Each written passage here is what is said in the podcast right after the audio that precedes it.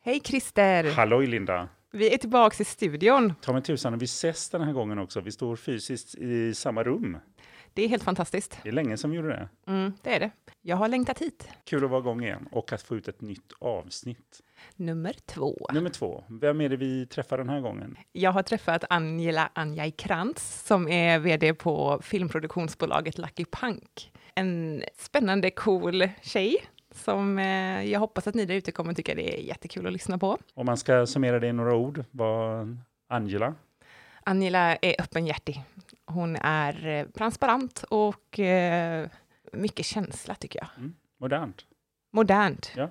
Men du, den här studion som vi står i nu, den är ju uppgraderad sedan förra gången, måste man ju säga. Ja, men verkligen. Jag gör ju workshoppar i vanliga fall och jag har ett helt skåp fullt bakom mig här med postitlappar och pennor. Jag tog en titt in i det skåpet och sa till dem att det är, vi ses om några månader igen. För just nu är det inte en enda postitlapp och inte en enda penna som används. Det vi står i här är ju min, vi kan ju lägga ut en bild kanske på Instagram på det. Ja, det gör vi. En, två, min- tre, fyra, fem skärmar. Precis, för jag gör workshoppar på olika sätt nu och allting är ju på distans. Det är skitkul, det är väldigt annorlunda. Så det är ju liksom för att beskriva vad vi ser framför oss. Mm. Skärmar, det är kameror, det är lampor, det är nästan som en, ja, det är som en tv-studio. Mm. Jag lägger ut det på Instagram, en bild, så kan man titta där samtidigt som man Ja. lyssnar. Vet man lite. Och det här har gjort att de här korta avsnitten jag ska göra, som har med tips varje vecka, de eh, har ju fortfarande inte kommit ut något, men de kokar i huvudet och de kommer snart att börja. Corona gjorde ju så att det blev mer för en del att göra och mindre för den andra att göra. Ja. Så är det ju. Ja. Vet du vad jag gör då? Nej, berätta. Jag jobbar med att så många Göteborgs ungdomar som möjligt ska sommarjobba. Och det är ju inte hundratals vi pratar om, utan det är Det är tusentals Ja. och det är liksom så viktigt. Så att, eh, ja, som Mm. sagt, Ja, men jag känner att vi är nog redo att dra igång veckans avsnitt. nu släpper vi det. Ja, men det gör vi. Varsågoda. Varsågoda.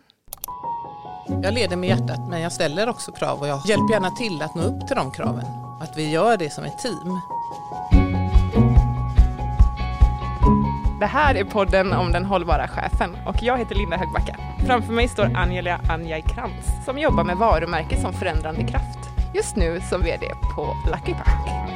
Välkommen Angela. Tack, tackar, tackar. Så Kul. himla mysigt att vara här. Jättekul. Ja. Du, eh, varumärke som förändrande kraft, vad betyder det? Ja, vad betyder det? Varumärket är kärnan i bolagen, själen, hjärtat. Det finns många olika, men att det är hjärtat och mycket utgår därifrån. Och att det är genuint, att det är liksom navet. Många skapar ett varumärke och så jobbar man utifrån det. Jag tror att man ska skapa ett varumärke som blir som hjärtat och jobba utifrån det. Att skapa utifrån ett hållbart inre. Lucky Punk, vad är det för slags företag? Vi är ett filmkommunikationsbolag. Vi älskar stories, vi är storytellers. Och vi hjälper företag att flytta sina positioner, både internt och externt med sitt varumärke. Kommunicera sitt varumärke men också kommunicera alltså mycket employee branding, den delen. Det är en del av vårt bolag som vi kallar för commercial-delen. Sen har vi något som vi kallar för content production där vi producerar innehåll och program för tv och streamingtjänster. Så det gör vi. Men vad betyder liksom det här, alltså vad, vad gör ni, vad blir det för produkt av det ni Ja, men i i det kommersiella delen av bolaget, där har vi alltid en beställare. Antingen en kommersiell aktör från näringslivet eller även en, en eh, offentlig, den offentliga sektorn. Men vi har en beställare med ett uppdrag som kommer till oss. Där vi oftast krokar arm med dem och kommer fram till en rörlig lösning på det problemet som de har. Inom content production, där skapar vi innehålls, eh, vi innehållsproducenter skulle man kunna säga. Vi skapar ett innehåll inom rörligt. Så det är ofta lite större produktioner, längre produktioner och vi jobbar ofta via ett annat media, alltså linjär tv eller streamingtjänster. Då. Kul. Blir det mer? Det blir mer tydligt. Blir det det? Ja, vad bra. När du pratar om varumärket som förändrande kraft så säger du hjärta. Hur jobbar du som ledare? Är hjärtat lika viktigt där? Absolut, hjärtat är alltid viktigast. Det är ju själen i vad man gör och drivkraften mycket. Det är ju det som slår i kroppen om man säger så. Utan det så är vi flatline och flatline tycker inte jag, då är man död i min värld. Nej men ehm, jag använder nog väldigt mycket hjärta. Jag är väldigt mycket hjärta. Som ledare och använda sitt hjärta för mig, det är den här värmen att vi är en familj, eh, oavsett om man jobbar i en stor eller liten organisation som ledare. Att, att visa det hjärtat, visa sin mänskliga sida som ledare tycker jag är jätteviktigt. Det, det svåra i det tycker jag är gränsen mellan det personliga och det privata och hjärtat i det. Jag leder med mitt hjärta till viss del. Jag är en väldigt hjärtlig person. Jag är väldigt social, jag är väldigt kramig, jag har ett italienskt ursprung. Jag är väldigt fysisk. Jag älskar att ge folk uppskattning och beröm. Jag växer i det när jag ser att andra och att, att man får veta att man är bra på saker och ting. Det tycker jag är otroligt viktigt, även de små sakerna. Det behöver inte alltid vara när det är vid en vinst i bolaget, när det har hänt någonting som är strategiskt viktigt för bolaget. Det kan också vara de små sakerna, man lyckades komma över en puckel i just det teamet och sådär. Så det, det tycker jag är otroligt viktigt att leda med hjärtat och att dela med sig och att inte gå och hålla på det till ett utvecklingssamtal eller till den tiden när man ska sitta och prata om det. För ibland kan man också bara behöva ha ett samtal med sin närmsta chef utan att det blir en sån stor dokumentation eller en stor sak på jobbet. Du behöver berätta någonting som kan vara viktigt för ditt jobb. Mm. Så så tycker jag leder jag med hjärtat. Sen är jag väldigt, eh, jag tror man kallar det som streber förr i tiden. Eh, jag är, jag är, envis. Alltså, ja, jag har, jag, är, ehm, jag har otroligt höga förväntningar på mig själv och på mina team och på vad vi ska göra och, och har en jättehög lägstanivå. Det är ganska tufft att jobba så. Men för mig finns inte motsättningar att det skulle vara en tråkig och jobbig arbetsplats. Att ha höga förväntningar på varandra behöver inte vara att det blir en jobbig, tuff, krävande miljö, man kan aldrig gå hem, man kan aldrig, det är inte alls det, utan det är att vi tillsammans vet vad de förväntningarna är. Vi har satt dem ihop.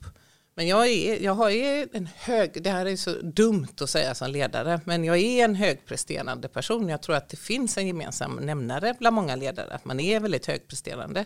Det är också därför många ledare går in i väggen. Mm, det, kan vara. Alltså, det kan vara en del av det, men jag är väldigt högpresterande och där får jag som ledare, där har jag en utmaning. Att inte alltid vara så högpresterande, alltså att sätta en, en lagom nivå för andra, för jag kan ha min nivå. Minska mina krav ibland mig själv då.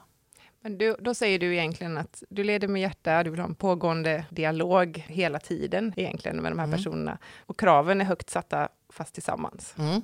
Jag leder med hjärtat men jag ställer också krav och jag hjälper gärna till att nå upp till de kraven. Att vi gör det som ett team. Men det är också viktigt att har vi kommit överens om ett mål, att man levererar det. Och kan man inte leverera det, flagga. För det är också viktigt att kunna misslyckas. Om det är ett misslyckande, det vet jag inte. Men att kunna inte alltid prestera på topp, det är okej. Okay. Du är inne på prestation ganska mycket. Mm. Hur märker man om du inte är nöjd med en prestation?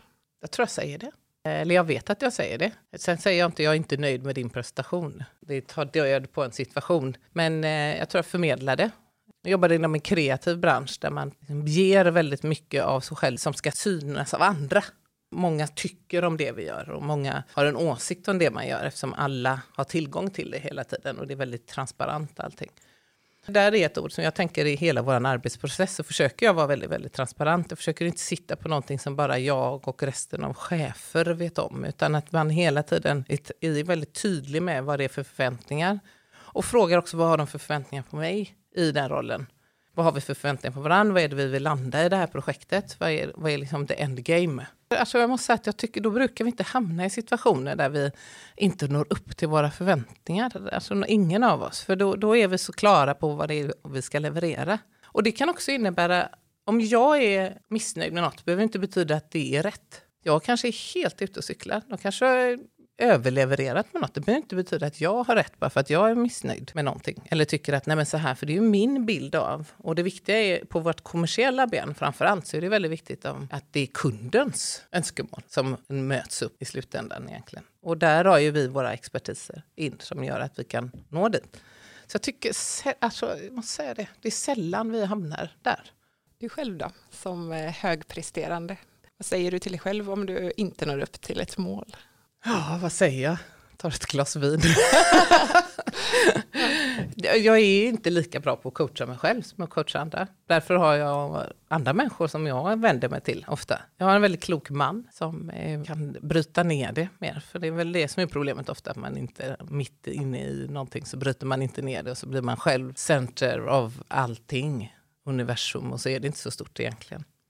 Det är lätt att bli väldigt svartvit tänker ja, jag i att exakt. man är bra eller dålig. Precis så. Och också, eh, jag försöker också hålla det i ett perspektiv till vad jag håller på med, vad det är jag jobbar med och vad det är som har hänt. Och sen är det någonting som jag känner så här, nej, där borde jag ha gjort annorlunda eller uppträtt annorlunda än så, då, då försöker jag ändå ta det. Be om ursäkt eller fråga, hur, hur tog det var inte så jag menade eller eh, så. Men jag, jag försöker nog vara, försöka vara snäll mot mig själv, men jag försöker också ta pauser. När jag är ledig så är jag jätteledig. Jätteledig. Men du är snäll mot sig själv. Hur, för snäll är ju ett ord som eh, jag tycker är väldigt viktigt. Det tycker jag också, det vet jag inte om du... Jag har ju mitt ledord, det är ju var snäll. Jag Ja, säger men det det till både också. mina barn och till min, eh, på jobbet och överallt. Var snäll. För det är kärnan till ett schysst ledarskap, det är kär- kärnan till att vara en bra vän, bra lyssnare. Alltså försöka. Och sen så är visst, snäll är ju väldigt subjektivt, alltså vad är snäll? Men om alla är snäll så blir det ju ändå bra, tänker jag. Ja men så tänker jag också. Ja. Jag har, dricker gärna yogi-te. Mm. Det är nu jag kanske skulle försöka få dem som sponsorer känner jag. Ja. Men då kommer det en liten sån här äh, lapp på teet där det står en litet Ja, citat. vit, ja. Mm. Mm. Och den som det står, kindness is the essence of life, Mm. den har jag klistrat upp på min dataskärm på ena hörnet. Och då kan man ha den där, så kan man till exempel, du vet, när man, försöker, man skickar iväg ett mejl lite för snabbt, så kan man kolla på kindness is the essence of life. Mm. Så kan man tänka, alltså det bästa är ju att vara snäll. Mm. Alla vill ju väl, oft, så oftast i alla fall. Mm. Mm. Jag Så det är ett väldigt bra mantra. Ja, men inte alltid så enkelt att leva upp till. Inte, alltså det, är, det är inte alltid lätt att vara snäll och då kan det vara väldigt bra att ta fram den. Eller, jo, snä, nej, det är inte alltid lätt. Man tror många gånger att man är snäll. Jag har gått tillbaka flera gånger när jag tyckte att jag hanterat någonting schysst. Men då har det varit utifrån mitt perspektiv och inte från alla andras perspektiv. Så den är väldigt viktig att ta. Jag tror att man blir bättre och bättre på det hur mer man övar på att vara snäll. Mm, verkligen. Mm. Hur, jag måste fundera här nu, hur kan man träna på att vara snäll? Oj, den är bra. Jag tänker läs Einhorns bok om konsten att vara snäll. Mhm. Den är otroligt bra. Och sen tänker jag på att påminna sig själv. Var snäll. Mm. Och sen också vara snäll mot sig själv. För många gånger så är snäll och så ska man vara snäll så gör man våld på sig själv för att vara snäll mot alla andra. Det, det är inte snällt. Det är inte snällt. Nej. Den gränsdragningen är ju väldigt, väldigt svår. Den är jättesvår. Och framförallt som ledare tror jag. För att man ska vara till för alla andra. Väldigt mycket i förväntan på en ledare eller chef är att man finns där och är där. Och det, det, är, det är en del av chefskapet. Jag tycker det här att dela upp det. Så jag har ju två målgrupper. Dels en styrelse och en ledning som har en förväntan på mig. Sen har jag en förväntan från personal och från eh, de teamen man jobbar ihop med. Och de två lirar inte alltid. Där är ju utmaningen. Och där gäller det att vara snäll mot sig själv ibland när man inte hinner, när man inte räcker till. Och också att förmedla, tycker jag, att, att man är människa mot både personal och även ledning. Men, men ja, idag räcker jag inte till. Idag får jag göra detta. Snäll kanske ska kombineras med mod. Ja. När du pratar, jag har inte tänkt på det förut, Mm, men nej. eh, nu lät det ju som att det går inte bara att vara snäll, man måste vara modig också. Ja. Men är du snäll så vågar man kanske vara modig. Eller tvärtom, är man modig så vågar man vara snäll. Ja, så kanske. Så tror jag, tänker jag nu när vi... Ja. Ja. För Är det man är modig väldigt så vågar man. modigt att Ja. våga vara Mm. snäll. Snäll är ju inte heller bara att, att eh, göra som alla andra vill. Eller tillfredsställa andras behov eller sina egna behov heller. Utan snäll är ju, tycker jag, att hitta den här, att göra saker schysst och tillgodose så mycket som möjligt av allas behov. Både kund och internt i ett bolag till exempel. Men också att eh, hitta en balans i det. För annars tror jag att man bränner ut sig. Mm. Du var inne på att vara människa några gånger här. Mm. En människa är, man är ju väldigt mångfacetterad som människa. Och jag kan, kan tycka det är svårt just i liksom relation till titeln chef, att Mm. samtidigt vara människa. Mm. Har du några tankar kring det? Jag kan likställa det tycker jag med att vara förälder. Från en dag till en annan, precis som när du blir, får ditt första chefsjobb, så blir du chef, eller mamma, eller pappa. Och förväntas vara någon helt annan person än vad du var dagen innan. Och det är, det, jag tycker det är en bra liknelse. Och om man har barn så kan man likna det med det. Till sin första chefsroll. Jag när man har varit mentor åt yngre tjejer och killar så, så försöker jag liksom att du, du är, dels tror jag det är viktigt i sin första chefsroll också, så här, du är här för vad du har presterat. Det är därför du kom till den här punkten. Nu har du förväntningar på vad du ska prestera, men du är här för vad du har presterat. Glöm inte det. Spring inte ihjäl dig här nu, utan du har presterat för att komma hit. Jag funderar på hur du kommunicerar dig själv som människa till dina medarbetare Mm. som ändå har krav på att du ska leverera som chef. Att vara mänsklig då. Mm. Att jag faktiskt är mänsklig. Att jag delar med mig av mig själv och mitt liv utanför jobbsfären. I helgen gjorde jag det här, vad gjorde ni? Alltså att man inte bara behöver prata jobb, utan att man kan dela med sig av vad, så här gjorde jag och vad gjorde ni och herregud vet vad som hände mig. Alltså att man inte alltid är chef, utan att man faktiskt är Angela också. Och att man ser den sidan av mig. Den tycker jag är viktig. Jag vill ju veta den andra sidan av mina anställda och inte bara producenten och regissören, filmaren. Jag vill ju veta vilka de är. Och det tänker jag att de vill veta om mig med. Men jag är otroligt duktig på att vara personlig. Men jag är också väldigt duktig på att hålla det privata för mig själv ibland. Och det tror jag är väldigt viktigt, för jag behöver också en sfär där jag kan dra mig tillbaka och inte vara chef. Då. Mm. Du var inne lite på ett tips där till, eh, till nya chefer. Alltså att man har presterat tillräckligt för att komma till den positionen. Ja, man ska inte glömma det. Det fick jag som eh, av mentor eh, för länge sedan. Att Tänk på att du är här för det du har presterat och inte för vad du ska prestera. Nu var jag mellanchef då. Är du som vd så, så får du ofta ett mandat i det vd-skapet, så där ska du ju prestera någonting. Men jag tycker ändå att det är viktigt att tänka på det, att du, har- allt det du har gjort för att komma dit där du är, tycker jag ändå är viktigt att klappa sig själv på axeln, för det är därför du är här. För att de tyckte att du var så bra på det du har gjort. Man anställs ju naturligtvis för vad man ska göra också, men det är ju baserat på det du har gjort. Mm. Det är liksom lite så här, just nu är du tillräckligt. Ja, Ja. jag har gjort det misstaget att jag rusade iväg i mitt första chefskap och skulle vara chef och skulle göra och varit så himla duktig. Och hade allt på plats, mentorer, lönerna, trodde jag. Mm. Och eh, tjej fick jag. Hur gick det? Ja, herregud, det, det gick inte alls bra. Katastrof skulle jag säga. Men eh, den katastrofen har gjort att jag idag är en, eh, tror jag, jag, det är inte upp till mig att veta om jag är en bra ledare eller chef faktiskt, Och bedöma, men jag eh, har mycket fler verktyg än vad jag hade då. Och det är inte konstigt, det är flera år sedan, men eh, det var en crash course i första stora chefskapet som jag hade. Det var verkligen eh, på många sätt crash course att det pang in i hetluften och pang fick jag allting på mig. 190. Så att, eh, där lärde jag mig väldigt, väldigt mycket. Det var otroligt lärorikt. Det var bara ett år, men det var otroligt lärorikt eh, på många sätt. Jag fick nog vara med om allt som kan hända i ett chefskap på ett år komprimerat. Ihop med ett stort kontrollbehov. Exakt. Hur gick det, Hur tänker gick du? det tänkte jag då. Magsår. ja. Det, det var jättesvårt, absolut. Det var jättejobbigt. Och när jag slutade där, när jag sa upp mig, gick på dagen, så gav jag mig själv två månader till att bara landa i det. Och egentligen inte göra någonting innan jag gjorde nästa sak. Mm. För det var tufft. Det var jättetufft. Jag har fortfarande ett kontrollbehov men på ett annat sätt. Nej, men det som hände eh, var att jag gick in, jag gick från ett bolag som var otroligt professionellt och strukturerat. Där alla strävade åt samma håll, även om vi kunde vara oense. Där vi stöttade varann och väldigt bra bolag. Trots att vi hade jättestora utmaningar och, och stora, stora projekt. Och mycket krav på oss. Till ett bolag som var totalt tvärtom.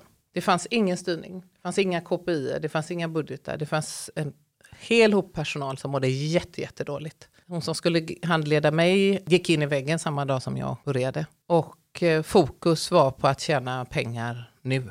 Och jag då som jobbar med varumärket som en, en drivkraft stod, men hur gör vi nu? Det finns ju inget hjärta var i hjärtat? Det fanns ingen som tickade där inne. Så det blev en chock för mig. Jag sprang och då började jag springa. Som lösning. Jag är otroligt lösningsfokuserad. Finns det ingen lösning så, så hittar man ju en lösning. Måste ju hitta en lösning. Så jag började springa och sprang fortare och fortare och fortare och fortare. Och det var ingen bra lösning på det problemet. Jag tror också det är väldigt viktigt som ledare att ha stöttning i andra ledare på arbetsplatsen. Eh, att man har tydliga mandat, men också tydliga målbilder från ledningsgrupp och från andra ledare och att man eh, stöttar varandra i det också. Och att man är en enad ledningsgrupp till exempel. Och allt det här låter jättekonstigt, eh, men saknades på det här bolaget. Så att det var mycket släcka bränder. Ja, jag lärde mig otroligt mycket, men det var ett kaosigt år. Kaosigt. Och jag tror att jag kan se det mer i efterhand än vad jag när jag var där i det. Om att jag lärde mig någonting på det. Det tog ett tag att få landa. Och eh, när jag gick därifrån så tänkte jag ska aldrig mer ha personalansvar. Hur mådde du rent fysiskt? Jag fick ju mitt magsår då under den, det Mm. året. Fick Mm. jag magsår. Så där är det svaret på det. Mm. Dels tror jag att det kom efteråt. När jag hade sagt upp, när jag slutade, så kom det. För då slappnade jag av. Då sänkte jag mina axlar. Liksom. Så då kom det. Jag sov väldigt mycket. Jag är jätteduktig på att sova. Det är min superkraft tror jag. Och där tror jag det har räddat mig från att inte gå in i den berömda väggen. Att jag är jättebra på att sova. Jag kan sova överallt. jag är lite, jag är väldigt, så där får jag en väldigt stor återhämtning. Så jag sov nog en del, tror jag. Sen så tar jag gärna inspiration, lyssnar på andra kloka människor och eh, hör vad de har att säga. Och det kan vara både fys, alltså man träffas så här, står och pratar med varandra, eller att man liksom lyssnar på en podd med kloka människor. På den hållbara chefen? Ja, ja men det kan, det kan jag verkligen rekommendera. Jag lyssnade på jättemycket poddar. Eh, Det var nog då jag började lyssna som mest på poddar. Det finns ju så mycket bra ämnen och du kan verkligen pinpointa det du vill lyssna på just då. Och sen prata med kloka, nära och kära. Men sen tror jag ibland också att bara landa, få landa och smälta och ta in vad som har hänt. Och vad kan jag göra för att det inte ska hända igen? Jag kan ju inte ändra på andra, men jag kan ju ändra på mig själv. Hur kom du från att tänka jag ska aldrig mer ha personalansvar till att börja som chef igen? Nej, men eh, man glömmer. Man kommer vidare, tack gode gud för det. Alltså jag kommer ju vidare ur den, att "Ah, jag ska aldrig mer, ur affekten. Så jag tror att man, man, man glömmer att gå vidare. Och blir bättre också. Jag är mycket bättre idag än vad jag var för fem år sedan på det jag gör. Jag hoppas verkligen att det är det, annars är det ju katastrof. Jag försöker hela tiden bli bättre på det jag gör. Det är min drivkraft mycket, att lära mig att hela tiden hålla mig liksom ajour. Utan att för den sakens skull bli bara jaga, utan liksom ta in och försöka omvandla det till hur skulle jag kunna använda det. Och där tror jag också är en kontrollmänniskas Jag kommer alltid vara en kontrollmänniska. Men det går att jobba med det, som det går att jobba med allting. Och det är på både gott och ont. Det är bra att ha det ibland och bra inte ibland. För man har svårt kanske att släppa vissa saker. Och var det bra nog och det här, good enough. Så det finns en bok som jag verkligen kan rekommendera med det här med perfektionism som eh, heter Good enough som är skriven av Elisabeth Gummesson som eh, även håller föreläsningar. Kan också rekommendera att gå på dem. Är väldigt, väldigt bra för att hitta verktyg att faktiskt leva med sitt kontrollbehov och sin perfektionism. Jag tänker i min lösningsorienterade mind att allting går ju att leva med bara du inte ignorerar det. att man jobbar med det och att man ser till att göra det, få det bästa ut av det i min värld som jag kan jobba med det. För det går inte att ändra på folk och jag är också folk. Så att man får leva med det man har och göra det bästa av det, tänker jag. Vad jag lärde mig på den här krisen, som det var faktiskt i mitt liv också, att ha mer tålamod än innan. Inte ha lika bråttom framför allt. Att det ska gå fort är inte kopplat till att det är bra eller att man är effektiv utan att det faktiskt kan finnas andra vägar och att man vågar ta tiden för sig och sitt team att göra det man har fått till sig eller tilldelat eller de kraven man har på sig eller de målen man ska nå. Att det får ta tid och att man vågar stå på sig i det som ledare. Och att man är tydligare. Jag är mycket tydligare i min kommunikation. Jag vågar vara det, apropå mod som vi pratade om innan. Jag tror mycket det du sa där, att det krävs mod för att kunna vara snäll. Och mod Precis. krävs för mycket inom ledarskap, men överlag i samhället idag så tror jag det krävs ganska mycket mod. Och jag kräver också mycket tydligare ledarskap från mina ledare. Det är väldigt lätt att smickras och så går man på den, det smickret i ett eh, ledarskap och i alla möjliga situationer. Att inte låta sig säga du är så bra, för det löser inte det jag ska lösa. Och fastna inte det att man är bra, utan fastna i vad är det jag ska lösa och vad är det som vad har jag framför mig. Och inte fastna i det. Man kan gärna fastna Smicker i beröm men Ja. inte smicker. Ja, smicker och beröm är olika saker. Ja. Mm. Mm. Bra tips. Ja, jag tycker det är viktigt för det kan ibland bli i vissa ledargrupper så är det mycket smicker att här är vi, vi är väldigt bra, vad vi har åstadkommit och sådär. Det är smicker och det, är jätte, det, det behöver man, men det är också väldigt viktigt att inte fastna i det. Man måste komma vidare Mm. i, i det. Ja, för jag tänker det här att peppa varandra. Det är ju bra, man får energi och allting sånt. Men eh, när man vänder all uppmärksamhet inåt så är man ju inte speciellt bra Nej. som chef eller ledare. Nej. Nej. exakt så. Mm, den ska jag också Mm. komma ihåg. Det är väldigt viktigt att, att liksom inte tappa fokus. Utan att vara tråkig. Det, det är inte, men att inte, ja, men inte tappa fokus. Att inte, mm, jag tyckte, jag tycker nog inte det längre, men tyckte att det var lätt att ibland liksom fastna i sin ledarskapsroll. Att man, jag är chef, jag är, alltså det är en massa andra epitet än vad det egentligen är. Vad innebär det att vara chef? Vad innebär det att göra det här? Det är två olika saker. Det är många som strävar efter att bli ledare och chefer, men eh, be careful what you wish for. Det, det innebär också ett hårt arbete. Och det här är en sån här Simon Sinek som är en eh, guru inom eh, näringsliv och ledarskap. Men jag gillar många saker av han- som han säger. Och framförallt det här liksom be the boss you wish you had. tycker jag är ett otroligt viktigt Det är budskap. Mm. Och ha med sig den. Apropå snällhetsdebatten också. Mm. Det här med att hålla fokus, har du några knep för att göra det? Det är ju lätt sagt, och Ja. svårt gjort. Jättesvårt. Jag skriver väldigt mycket listor. Både mentalt En och till listskrivare. Jag otroligt listor. listskrivare. Jag har jättemycket block, fysiska block, som jag skriver och skriver och skriver och skriver och skriver listor. Jättemycket. Och bockar av också. Skriv dem, det får inte bli för så här ny kommunikationsplan. Mm-mm. Utan skriv inledningen till kommunikationsplan. Bocka av. Åh, vilken tillfredsställelse. Det är fantastiskt att kunna bocka av saker. Mina egna listor, eh, som jag älskar också att skriva listor. Mm. Eh, Ibland kan jag känna att jag läxar upp mig själv lite i listorna. Mm. Och det vill jag gärna komma ifrån. En, ett tips. Ja. Vad är ett tips? Ja, Skriv listor, skriv ner allt du tänker på. Allt som du tycker så här, det här borde jag göra. Jag kan ju få sådana här listor som är tre sidor långa. Så tänker jag så här, det här kan ju inte jag göra. Det här är ju helt omöjligt för mig att göra. Och så tänker jag, stryk det som inte är viktigt. Då har jag, är jag nere på från tre till två sidor. He- Jag lovar att det verkligen inte är viktigt just nu. Utan är sånt där som man kan ibland hänfalla till att man gör för att man inte orkar ta tag i något annat. Stryk alla dem. Nästa kill och darlings är vad kan någon annan göra? Och när du har strukit dem så har du ofta bara en sida kvar. mm, bra tips. Mm. Du, jag Och har bara, du inte det så börja om. ah, Vad det, är, då alltså, dög inte den om. listan. Nej, Nej. den ska bli en sida lång. ja, För annars är, är du ingen hållbar chef. Det Nej, går inte går att inte. göra allting själv. nu måste jag läsa upp min senaste Mm. lista för dig. För jag gjorde nämligen en lista. Och så när jag läste den blev jag så trött på mig själv. För det var väldigt mycket borde i den listan kände jag. Så då skrev jag en ny. Den låter så här. Lyssna. Var här och nu. Gör det du känner för. Säg hur det känns. Följ med dina energinivåer. Du måste ingenting.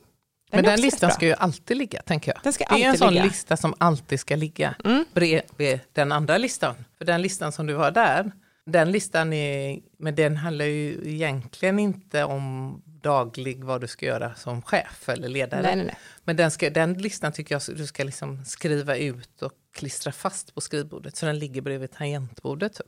Mm, precis. Och den stryker du inte någonting. Nej, exakt. Listor som man stryker är väldigt tillfredsställande. Alltså. Ja, den här kommer man aldrig stryka någonting Nej, på någonsin. den är jättebra att ha som en sån här... Resten av livet. Ja, gör Ja. den som en... Ja, åh gud, det är sådana man ska göra som så här quiz, men ändå sån eh, skärmsläckarbild Ja, kanske. men sådana cheesy grejer gillar ja, jag ja, jag älskar sånt. Ja. Carpe diem. När vi ändå är inne på sådana här cheesy tips, Mm. alltså lite, lite talesätt som Mm. kanske inte alltid stämmer, så tänker jag att det här med att träna till exempel, Mm. det är ju en sån här, bra chefer har balans i tillvaron, de tränar. Alla, och alla Och jag helst- känner just nu är här, i min åldersgrupp också, så här, över, över 45 ledare. Det är väldigt mycket av, av liksom umgänget. Och alla ska göra en Ironman, de ska göra swimrun, de ska springa en klassiker. Och da, da, da. Jag gör ingenting av det. Alltså vi måste Ingenting. tillägga, jag, träna är ju bra. Jag bara funderar på Ja, ja, jag tror att det är jättebra. Jag tränar genom att gå. Då är det viktigt att göra någonting som man verkligen tycker om Mm. att göra. Tennis och gå. Sen, Glädjefyllt. ja, Mm. jag är väldigt luststyrd.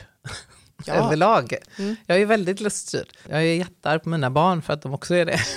men, eh, och säger att livet går inte ut på att ha roligt jämt. samtidigt som jag... Nej, men Fast jag lite tänker, grann gör det också det. Men, Jo, Ja. det gör det. Eh, absolut. Nej, men jag går väldigt mycket. Sover är min påfyllnad faktiskt. Sen är både jag och min, vi är väldigt sociala. Det är min stora påfyllning. Tror jag. Att omge mig med värme och folk som jag tycker om och som förhoppningsvis tycker om mig. Samtalet, det goda samtalet. Älskar att sitta och prata över en middag om allt högt och lågt. Väl gärna politiska saker och samhällsdebatter och så. Men eh, det jag älskar mest är faktiskt att gå ut och gå och helst själv. Tystnad. Mm. Väldigt gärna själv och långt. Jag älskar när det blir tyst Mm. omkring mig. Jag håller med. Och det är också ett behov för påfyllnad. Att få vara själv. Ett enormt behov av att få vara själv. Och det är inte så lätt när man har små barn och familj och eh, fler. Men där min man är också chef, ledare. Jag tror vi har väldigt förståelse mellan varandra. Att behöver det. För det är väldigt viktigt att få också den här in, att kunna gå in i sig själv. Och det, för mig gör jag det. Vissa gör det när de springer, eh, vissa gör det när de... Men för mig är det den här tystheten och gärna i kombination att jag går ut och går. Har du gått någon av de vandringslederna som finns? Nej, jag har inte det. Jag skulle väldigt gärna göra det. Mm. Nej, det har jag inte. Vi kanske skulle starta en chefsvandring. Ja. Där man går, eh, det finns ju sådana här resor där man går, men eh, jag hade gärna haft en... Jag är med. Du är jag med? På. Ja, jag är på. Ja, ja. Man är får inboxa med om man är med helt Ja, enkelt. Fast man, då ska man vara tyst i två timmar, prata igen, tänker Ja, jag. men jag tänker ett bra upplägg skulle kunna vara att man går tyst och sen får man prata när man äter. Mm. Tar en kaffe, Eller så ta en pratar kaffe, man. pratar man Mm. lite grann, sen får man vara tyst. Mm. Ja, så skönt. Gud så skönt. Man kan börja med att någon slänger ut sig något, det här vill jag hjälp med. Ja. Och sen så tänker man på det när man går. ja, men då har vi det på G. En chefsvandring Mm. i bergen någonstans. Inboxa. Inboxa. Ja, Japp. inboxa Linda här så får vi Yay. ihop en sån här grupp. Mm. Tyst gäng på stan. Man bara ser. Jättetråkig eller?